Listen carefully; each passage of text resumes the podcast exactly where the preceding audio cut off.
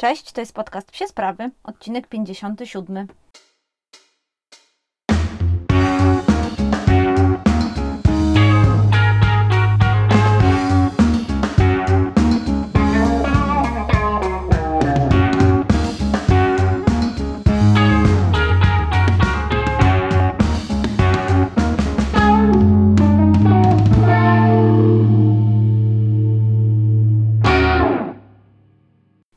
nadzieję, że teraz siedzicie w jakimś miłym, chłodnym miejscu z waszymi psiakami, bo pogoda w Polsce i chyba nie tylko w Polsce jest ostatnio nieznośna i ja mam takie refleksje, że jest to nieubłagalnie nadchodzące ocieplenie klimatu i chyba dopada mnie depresja klimatyczna, bo zaczynam się martwić, czy tak to już teraz będzie, czy moje pieski będą chodziły przez kilka miesięcy w roku w kamizelkach chłodzących, a ja będę cieszyła się z mieszkania w starym budownictwie przez grube mury, które trzymają chłód.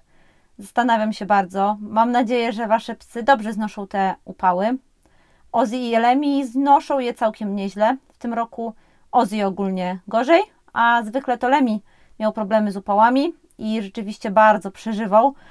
Chodził i tutaj mędził nam, natomiast teraz jakoś Ozzy gorzej przeżywa. Jest w kamizelce chłodzącej, więc nie jest źle, ale i tak nie jest to idealna sytuacja dla dziewięcioprawie-letniego psa, który no, ma jakieś tam swoje inne problemy i straszki, ale jednak ta, ten, te upały trochę nerwów i wiadomo złego samopoczucia dodają. Mam nadzieję, że Wasze psiaki lepiej je znoszą, tak jak powiedziałam. Pewnie jesteście ciekawi, jesteście ciekawi, co u nas, bo dawno nie było nowego odcinka. Zdaję sobie z tego sprawę. Przede wszystkim u mnie jest teraz bardzo, bardzo dużo pracy, bo to jest najbardziej zapracowany dla mnie w mojej pracy zawodowej okres w roku. Przygotowuję kilka bardzo dużych wydarzeń sportowych i lifestyle'owych w mojej, w mojej marce, więc naprawdę mam bardzo dużo pracy. No i do tego dochodzą po prostu obowiązki dnia codziennego, czyli, czyli przygotowywanie się do treningów, treningi z psami, moje własne treningi sportowe, więc trochę tego teraz jest. Wybaczcie, że tak długo czekaliście na ten odcinek. Postanowiłam, że skoro tak długo czekacie, to ten odcinek będzie bardzo ogólny, będzie skierowany po prostu do bardzo szerokiej grupy osób. A jaki będzie temat, to zaraz posłuchacie. Na pewno jesteście też ciekawi, jak nam poszło na Mistrzostwach Europy. Nie pojawiało się na moim Instagramie za dużo relacji, bo nie były to dobre Mistrzostwa Europy dla nas nie poszło nam. Odbywały się one na Węgrzech. Pogoda była no, mniej więcej taka, jak teraz mamy w Polsce, czyli prawdziwe upały. Nie wiem, czy to one dały, dały się we znaki pieskom. Na pewno dały się we znaki nam, ludziom, handlerom. I nie były to najbardziej udane mistrzostwa w naszej karierze Warsaw Bullets. Zajęliśmy dalekie miejsce w drugiej dywizji i tak naprawdę był to zbieg różnych przypadków, wypadków, może nie przypadków. Na pewno nie mieliśmy trochę szczęścia i nie będę Was tutaj już wdrażała w zawiłości naszego sportu, ale nie mieliśmy szczęścia z czasami, z doborem czasów. Nie mieliśmy też e, trochę refleksu, nie mieliśmy też trochę skupienia. Tu chodzi o nas handlerów. Psy, oczywiście, jak zawsze, sprawdziły się idealnie i dały z siebie wszystko. Ja uważam, że one naprawdę bardzo czują taką rangę imprezy i czują, że pojechały gdzieś bardzo daleko i występują na bardzo ważnych zawodach.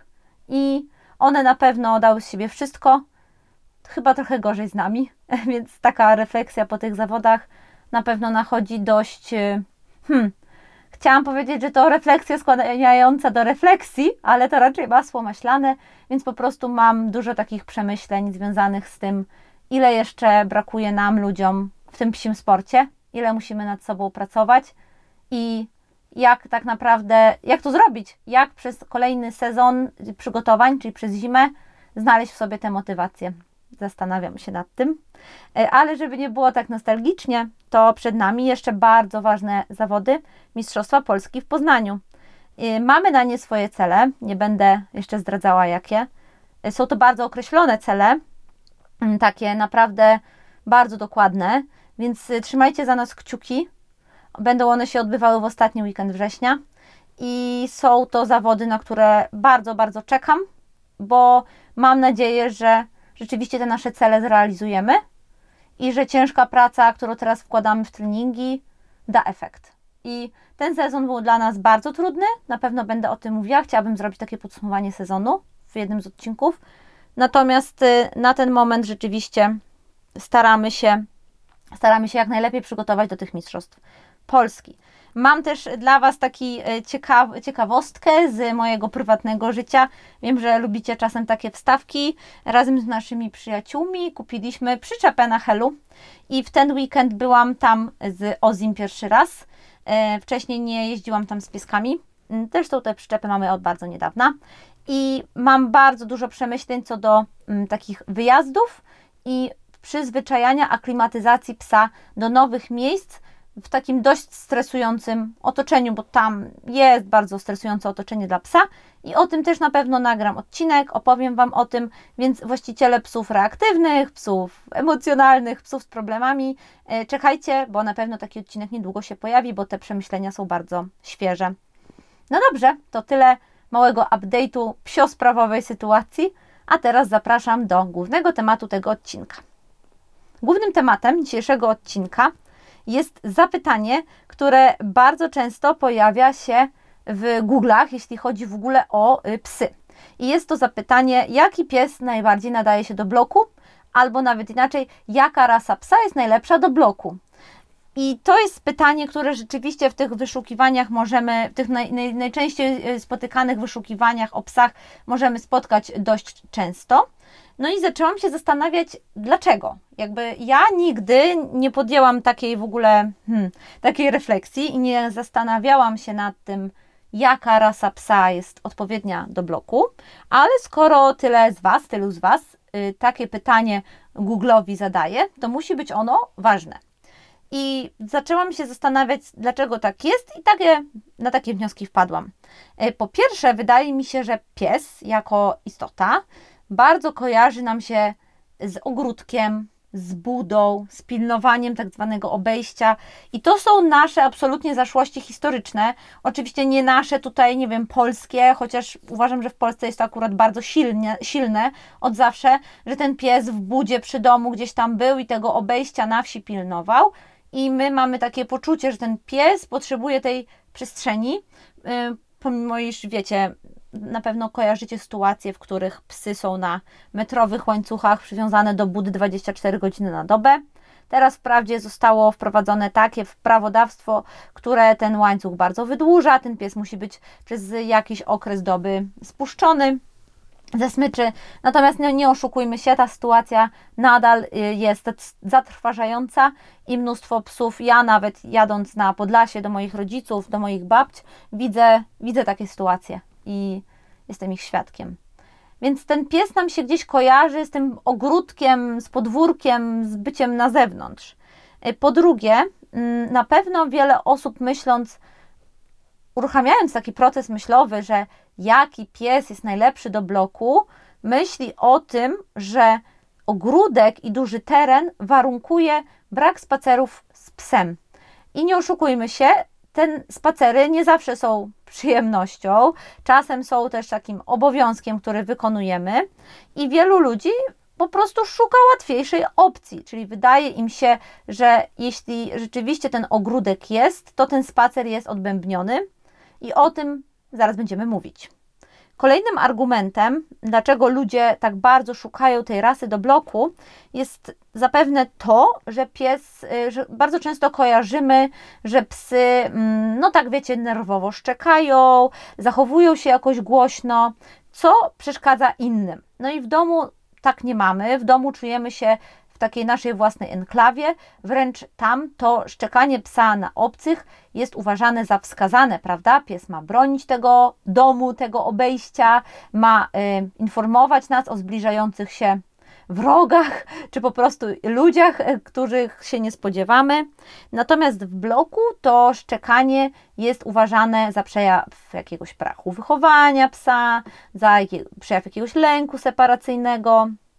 Więc też nam się wydaje, że ta rasa psa do bloku to ma być rasa, która jest nieszczekająca. W ogóle to jest dla mnie hit, jak ludzie mówią na przykład o shibach, że shiby to są takie psy nieszczekające i ja rozumiem o co chodzi, one po prostu inaczej się komunikują, inne dźwięki wydają, ale sam fakt, że ktoś szuka psa, który nie szczeka, wydaje mi się niezwykle alarmujący. I na przykład, gdyby do mnie na psie sprawy napisał ktoś y, z takim pytaniem, czy znam psy, które nie szczekają, to od razu gdzieś tam otwiera mi się jakaś furtka w głowie, która mi przypomina takie historie ze Stanów, gdzie był taki czas, nie wiem czy akurat ze Stanów, ale tak mi się kojarzy, bo tam słyszałam o sytuacjach stamtąd, że y, był, istniał proceder wycinania psom strun głosowych. I to jest dla mnie jakieś absolutnie chore. Więc ten szczekający pies w bloku, który gdzieś kiedyś w jakimś miejscu doprowadził do okaleczania zwierzaka, jest dla mnie kolejnym takim niezrozumiałym aspektem tego posiadania psa w bloku. No i w domu oczywiście, tak jak powiedziałam, tego problemu nie mamy, no bo mamy jakąś tą naszą enklawę i to jest taki nasz, wiecie, wolność Tomku w swoim domku i wydaje nam się, że w domu możemy absolutnie wszystko. No i fakt jest taki, słuchajcie, że mnóstwo z nas mieszka w blokach. Y, tak naprawdę nie znam żadnych badań statystycznych i próbowałam je gdzieś tam odnaleźć, natomiast y, bardzo ciężko to było, wiecie, bardzo ciężko było znaleźć najbardziej aktualne dane, a nie chciałam się posługiwać jakimiś bardzo starymi. Mnóstwo z nas w blokach mieszka, w miastach jednak zwykle, wydaje mi się, że 98% mieszkańców mieszka w blokach, a bardzo chcielibyśmy tego psa mieć. Stąd te zapytania. Z drugiej strony nakładają się na to te wszystkie filtry, o których Wam powiedziałam, że wydaje nam się, że to posiadanie psa w bloku jest obarczone jakimiś obostrzeniami. No i sama bardzo często słyszę takie opinie, jak już e, pewnie Wam mówiłam kilkukrotnie, jeśli chodzi o moje harty, tak nazwijmy je roboczo, że musi, oj, że pani w bloku z tymi psami, to pani musi dużo, one muszą dużo biegać, musi pani z nimi dużo biegać i że chyba te harty to się do bloku nie nadają. No i tu właśnie otwiera się całe pole do dyskusji, w którym dopasowanie danego psa do danego człowieka następuje przez pryzmat wyglądu, przez pryzmat jakichś hmm, może takich naszych e, wyobrażeń o danym psie, wyobrażeń o życiu z psem, natomiast bardzo mało wyborów rasy psa następuje po dogłębnym researchu. I to jest pierwsza rzecz, o której chciałam Cię powiedzieć i na którą chciałam zwrócić uwagę, że wybierając rasę psa, zanim pomyślimy, czy to jest pies do bloku, czy do mieszkania, czy do domu, czy do, nie wiem, szeregówki, to musimy zastanowić się nad przeznaczeniem i cechami danej rasy psa. I to jest właśnie podstawa wyboru naszego psa rasowego. Natomiast kluczem posiadania psa nie jest paradoksalnie miejsce zamieszkania, ale nasz styl życia przede wszystkim. I to, ile mamy czasu dla psa i ile mamy też motywacji do życia z tym psem, bo nic nie stoi na przeszkodzie, żebyśmy mieli haskiego w jednopokojowym mieszkaniu, jeśli jesteśmy w stanie zapewnić mu aktywności yy, odpowiednie dla jego rasy. ja znam takie przypadki psów, które psów pracujących, psów zaprzęgowych, psów raz wymagających większej ilości ruchu, które świetnie radzą sobie w małych mieszkaniach, ale wymaga to od ich opiekuna dość dużej motywacji i zaangażowania w ich życie. Jestem przekonana, i to jest, słuchajcie, w bardzo dużej generalizacji, naprawdę w bardzo dużej, ale mówimy tu o generalnym problemie, bardzo generalnej, yy, generalnego społeczeństwa. Każda rasa psa nadaje się do bloku. I to kontrowersyjne stwierdzenie chciałabym poprzeć kilkoma argumentami. Po pierwsze, pies w domu ma odpoczywać. I jeśli tyle mówimy o spokoju, mówimy o bezpieczeństwie psa w domu, mówimy o takim spokojnym miejscu, które dom ma dla psa stanowić, i dom ma być tą enklawą, tą przestrzenią, w której pies głównie, uwaga, tu będziecie zaskoczeni, śpi. Dlatego póki w naszym mieszkaniu mieści się psie legowisko, to wszystko jest ok. Pies nie powinien w domu latać jak szalony, nie powinien skakać od okna do okna, nie powinien, słuchajcie, robić marszobiegów po mieszkaniu. Dom to jest miejsce, w którym pies spokojnie odpoczywa. Oczywiście zaraz mnie zapytacie, ok, ale ty też przecież robisz z psami fitnessy w domu, więc jakiś tam ruch się odbywa w tym domu, nie tylko sen. No jasne, że robię fitnessy, to jest rzeczywiście moje miejsce, gdzie te ćwiczenia się odbywają. Natomiast nadal do fitnessów ja potrzebuję, słuchajcie, pokoiku 5 na 5 metrów i naprawdę nie ma potrzeby, żeby on był większy. Więc nawet biorąc pod uwagę to, że w domu wykonujemy jakieś ćwiczenia z psami, czy nawet mini treningi, to póki ten pies w tym mini treningu nam się tam mieści, to nie ma żadnego problemu na pewno dom nie jest miejscem, gdzie będziemy robić z psem interwały, gdzie będziemy robić z psem podbiegi, ani będziemy z nim e, ćwiczyć, nie wiem, rzucanie frisbee, łapanie frisbee. I dlatego właśnie każda rasa psa tak naprawdę do tego domu się nadaje, o ile mówię, mieści się tam jej legowisko. Po drugie, i to jest bardzo związane z tym mitem, że e, pies powinien mieć ogród. Każdy pies potrzebuje spacerów i eksploracji. I to jest kolejna ważna rzecz, o której chciałam powiedzieć. Każdy husky, czy owczarek niemiecki, czy inna duża rasa psa, czy hard, czy jakakolwiek w ogóle rasa, już nie będę tutaj wchodziła w szczegóły, która tak według obrazu w społeczeństwie wymaga ruchu, nie będzie szczęśliwa, jeśli nie będą spełnione jej potrzeby. Y, potrzeby eksploracji i potrzeby poznawania nowego terenu, zbierania zapachów i po prostu poruszania się w terenie. Słuchajcie, nawet na największej, no nie wyobrażam sobie, jaka to musiałaby być działka, chyba kilkadziesiąt hektarów, żeby pies spędził na niej całe życie, nigdy się z niej nie ruszając. Bo nawet na największej działce pies nie będzie szczęśliwy, jeśli nie będzie odbywał codziennie krótkich spacerów, na których będzie mógł swobodnie eksplorować teren, zbierać zapachy, po prostu mieć jakąś formę relaksu, ale też takiego aktywnego spędzania czasu. Owszem, są psy, no bo tutaj, tak jak zaczęłam mówić, jest to generalizacja, dla których ruch na przykład nie będzie potrzebny, nie będzie wskazany, psy niepełnosprawne, psy stare, chore. Natomiast w dużej generalizacji każdy, absolutnie każdy pies, niezależnie od wielkości posiadanej działki, tego spaceru potrzebuje. Więc gdzieś na koniec dnia ten pies żyjący w domu i ten pies żyjący w mieszkaniu, one powinny odbyć dość podobne spacery. Po trzecie, pamiętajcie, że rasa to oczywiście predyspozycje, ale to nie jest stuprocentowy, stuprocentowy pewnik i wyznacznik charakteru. Każdy pies, tak jak każdy człowiek, jest wypadkową miksem wychowania i genów. Więc jeśli przyłożycie się do wychowania psa, od szczeniaka, ale też do wychowania psa, na przykład dorosłego, którego adoptujecie. I jeśli będziecie z nim pracować w odpowiedni sposób nad takimi standardami i życia i zasadami życia w mieszkaniu, to on w bardzo łatwy sposób uwarunkuje sobie to życie w mieszkaniu czy w domu i przyzwyczai się do tego trybu, w którym w mieszkaniu się śpi, w mieszkaniu się odpoczywa, tu się jest spokojnym, a ten ruch, ta aktywizacja następuje na zewnątrz. I tak ma tak naprawdę większość psów. I jak wiecie, ja mam psy bardzo aktywne, psy sportowe, psy, które mają trening praktycznie codziennie i one w mieszkaniu naszym, które wcale nie jest jakieś bardzo duże, zawsze zajmują się odpoczywaniem i zajmują się po prostu relaksem. One tutaj nie szaleją, nie skaczą, nie bawią się, tylko zajmują się po prostu tym, czym były nauczone, czyli spokojnym odpoczywaniem i relaksem. Czy są od tego jakieś wyjątki? Czyli czy są jakieś psy, dla których to y, mieszkanie, mieszkanie w bloku może stanowić bariery? No oczywiście, y, bo są takie sytuacje, w których to, to mieszkanie w bloku może przeszkodzić w, w posiadaniu psa.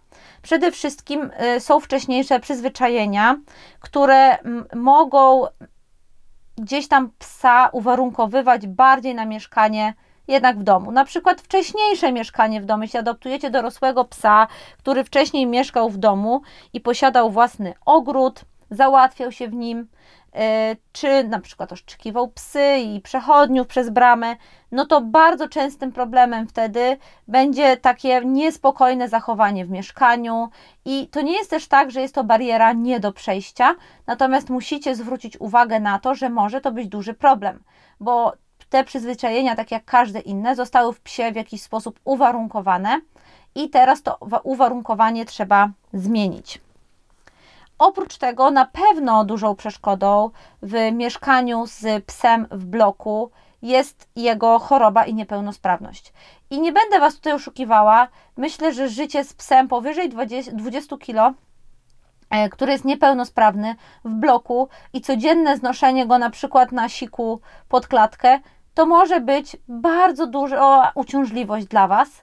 I myślę, że jesteście absolutnie w stanie to też tak zakwalifikować i chwała za to tym osobom, które są w stanie w takim układzie funkcjonować i które są w stanie zajmować się niepełnosprawnymi psami mimo mieszkania w domu. Natomiast pamiętajcie, że ta relacja z psem jest budowana także na waszym e, poczuciu spełnienia, jest budowana także na waszym jakimś szczęściu, które po prostu na co dzień czujecie w życiu z tym psem.